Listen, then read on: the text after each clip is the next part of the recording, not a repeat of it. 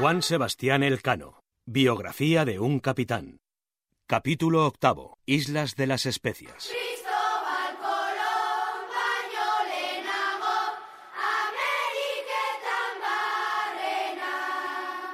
Precedidos por cantos y una persistente música de gongs, vieron acercarse varios navíos a remos y por delante el espléndido navío del rey Almanzor. La flota dio la vuelta en torno a las naos y los capitanes salieron en los bateles para testimoniarle su reconocimiento. Almanzor les hizo entrar y se colocaron a su lado. Tenía unos 45 años y permanecía sentado bajo un quitasol de seda. Vestía camisa muy fina, con mangas bordadas en oro y un paño le cubría desde la cintura hasta los pies descalzos. Ceñido a la cabeza, portaba un velo de seda y sobre el velo una guirnalda de flores.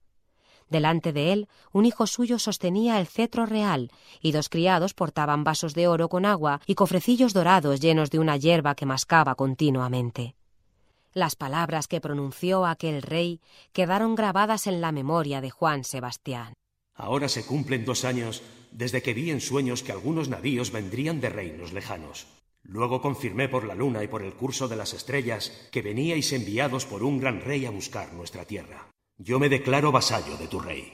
El rey Almanzor fue invitado a visitar la capitana. Para entrar en el camarote tenía que agachar la cabeza, y como esto era indigno de su realeza, entró por una abertura practicada en el techo. Los capitanes les obsequiaron con diversos regalos a él y a sus acompañantes. Finalmente, el rey les invitó a desembarcar en su isla. Meted las naos en el puerto y mandad a vuestros compañeros que salgan a tierra, para que podáis descansar. Con la alegría de oír y ver la humanidad y benevolencia de aquel rey extraño, los navegantes saltaron a tierra y gozaron por primera vez de lo que la isla les ofrecía. Los habitantes de Maluco tienen la piel un poco más clara que los de Cebú. Llevan el cabello igual de largo y aderezado, y también lo tratan con aceites. Dicen que Almanzor tiene 200 mujeres y que ha tenido 26 hijos. Sin embargo, la reina solo es una, y solamente sus hijos podrán reinar algún día. Las demás mujeres tan solo son mancebas.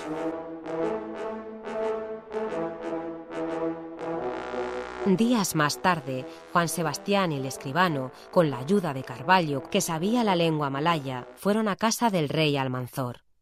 Allí dejaron asentados los precios, de manera que el clavo que en Tidore les costaba menos de tres maravedís, en Castilla valía trescientos maravedís y más. Juan Sebastián le dijo a Carvalho que contase al rey de Tidore lo que habían pasado durante el viaje pidió que le explicara que los asaltos que habían realizado no los hicieron por hacer mal a nadie, sino por conseguir llegar a Maluco. Juan Sebastián se fija en la religión de los indígenas. Los plebeyos son gentiles y no creen que el alma sea inmortal. No obstante, los reyes hace pocos años que se hicieron de la secta de Mahoma, porque dicen que promete cosas maravillosas. Tienen estas islas una avecilla de singular belleza, la cual nunca se posa, Únicamente se la ve volando por lo más alto de los cielos. Le dan el nombre de Mamuco Diata, ave de Dios.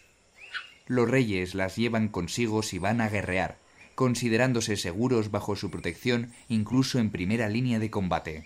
Al contrario que el resto de los hombres, Juan Sebastián tenía libertad para moverse por la isla y pudo conocer con detalle lo relacionado con las plantaciones de clavo. Se hace primeramente una coronita y luego nace una flor como la flor del manzano y va creciendo el clavo poco a poco hasta que se hace puntiagudo y de color rojo. Después los va ennegreciendo el sol. Pero no todo es una maravilla. Son muy pobres y necesitados de todo, porque en su tierra ninguna otra cosa nace sino especias. Por las noches, envuelto el aire en aroma de clavo, en la soledad de su camarote, el capitán Juan Sebastián Elcano no podía contener su emoción, sabiendo que se hallaba tan cerca del mar de la China y del imperio del Japón que el viajero Marco Polo había dado a conocer bajo el nombre de Zipango.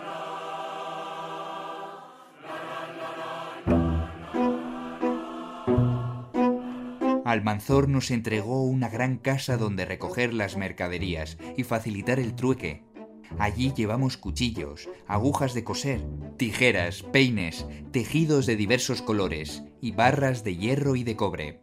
Pocos días después, se acercaron los navíos que escoltaban al rey Abdul Ranjami. Era vecino y aliado de Almanzor, razón por la cual, según dijo, ya era amigo de los castellanos. Intercambiaron presentes y volvió al día siguiente, deseoso de conocer cómo disparaba la artillería. Frente a Tidore se encuentra la isla de Ternate, su principal rival. Los de Ternate también se acercaron intentando llevarse las naos y venderles su clavo, pero los capitanes no quisieron por lealtad a Tidore. Aquel mismo día recibieron una invitación del rey Almanzor diciéndoles que era costumbre de la tierra que cuando un navío cargaba clavo por primera vez, el rey ofreciera un banquete. Les decía que durante la comida rogarían al cielo para pedir que llegasen felizmente a sus casas. Teniendo muy presente lo sucedido en Cebú, los capitanes se abstuvieron de aceptar.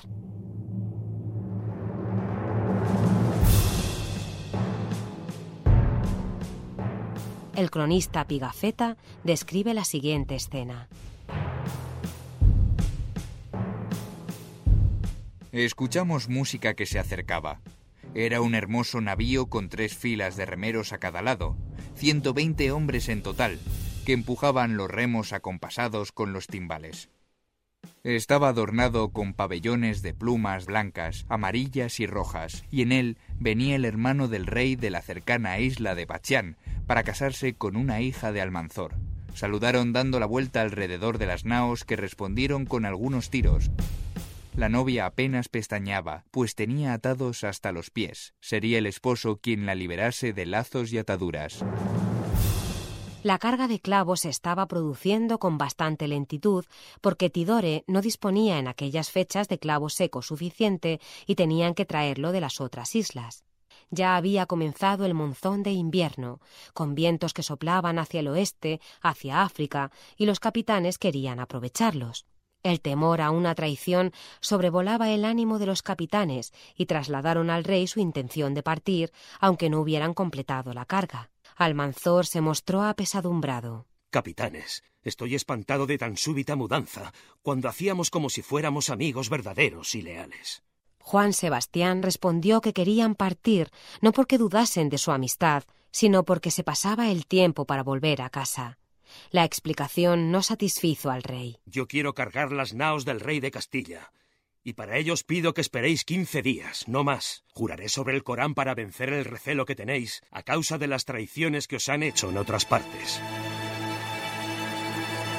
La vehemencia de Almanzor disuadió a Espinosa y a Juan Sebastián, que no se atrevieron a indisponerse con un rey amigo. El rey mandó traer su Corán puso la mano encima y debajo de él, y llevándose después sus manos a la cabeza y al pecho, juró dar paz y amistad. Juan Sebastián Espinosa y el maestre Ponceroni tomaron un crucifijo y juraron. Tenemos por firme la amistad y paz que en nombre del emperador y rey de Castilla, nuestro Señor, hemos hecho con el rey Almanzor. El rey pidió que le dejasen en la isla seis hombres y algunos tiros de artillería. Le fueron ofrecidas cuatro lombardas, un falconete y un pasamuros, y le señalaron los hombres que se habrían de quedar.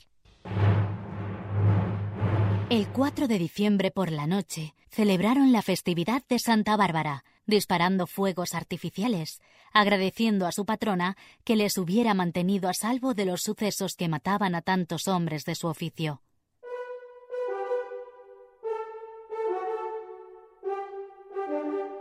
Culminada la carga, la Trinidad y la Victoria se aprestaron a seguir el viaje. Durante dos o tres meses, los vientos del monzón de invierno empujarían las naos hacia el oeste, en dirección a África. Navegar hacia el Cabo de Buena Esperanza no fue, por tanto, una decisión voluntaria de los capitanes. Era la ruta obligada, la única posible que los vientos dominantes en esa época del año permitían. No podían perder más tiempo. Sabían que los portugueses andaban tras ellos, cosieron las velas de repuesto y pintaron en ellas la cruz de Santiago. Por fin partieron las dos naos. Pero la alegría pronto dio paso a la consternación.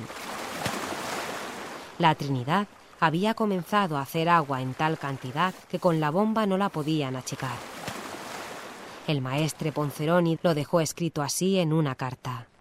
Cuando quisimos partir, se descubrió en la Trinidad una entrada de agua que era de cuatro palmos, que no podíamos tapar ni por dentro ni por fuera, y decidimos mandar la nao Victoria adelante para que no perdiese el tiempo y llevase la nueva al rey.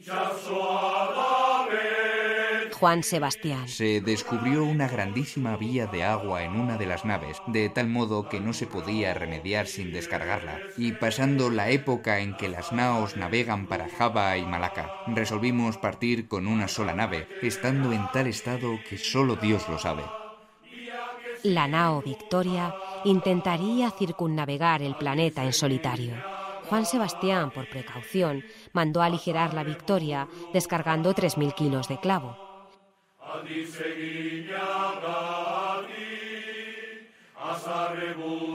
El viaje desde las Islas de las Especias directamente hacia España no se había hecho jamás. Las pocas naos portuguesas que habían conseguido alcanzarlas aprovechaban el monzón de invierno para volver a sus bases en la India. Allí reparaban concienzudamente las naos y esperaban al siguiente monzón para hacer la navegación hacia España con vientos favorables y los barcos bien reparados.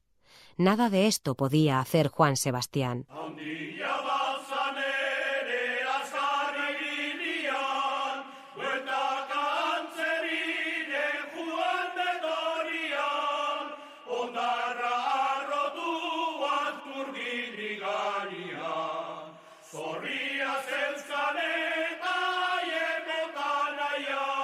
Tenía una sola nao, severamente castigada, y carecía de puertos amigos donde recalar. Tampoco disponía de los mantenimientos adecuados, no tenía bizcocho, ni vino, ni tampoco carne o pescado salado. Cuando la nao Trinidad estuviera reparada, ya soplarían vientos contrarios y no podría ir por África, sino que tendrían que desandar el camino que habían hecho con Magallanes, atravesando nuevamente el mar Pacífico, pero esta vez en dirección a América.